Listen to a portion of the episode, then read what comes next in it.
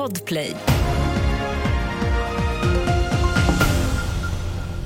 Vi börjar med att straffet mot Johan Floderus kan bli både tungt och ångerfullt. Det rapporterar den regimtrogna iranska tidningen Kayan som har nära koppling till landets högsta ledare. Tidningen jämför rättsprocessen mot Hamid Nouri med rättegången som pågår mot den svenska EU-tjänstemannen.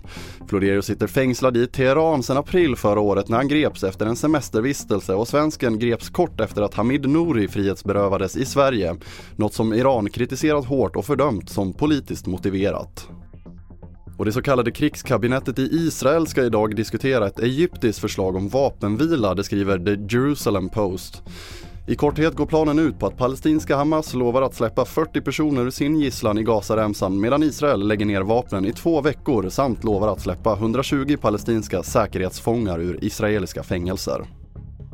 Och vi avslutar med att det stora jordskredet i Stenungsund i höstas kommer att bidra till större säkerhetstänk vid framtida byggprojekt. Det tror såväl Statens geotekniska institut som flera kommuner i riskområden som nu märker ett ökat intresse för marksäkerhet. Vi har ju kommit ut med en ny vägledning, geoteknisk säkerhet i kommunal planering och vi ser ju att det har varit väldigt väl mottaget och det är många kommuner som är intresserade av att ta del av vägledningen och vill veta mer om vårt arbete. Det sa Helene Kennedy, avdelningschef på Statens geotekniska institut ut.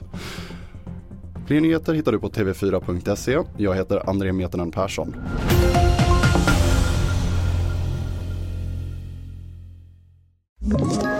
Ett poddtips från Podplay.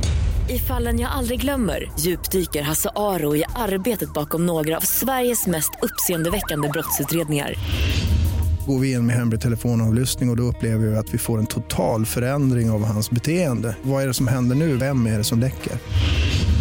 Och så säger han att jag är kriminell, jag har varit kriminell i hela mitt liv men att mörda ett barn, där går min gräns. Nya säsongen av Fallen jag aldrig glömmer på Podplay.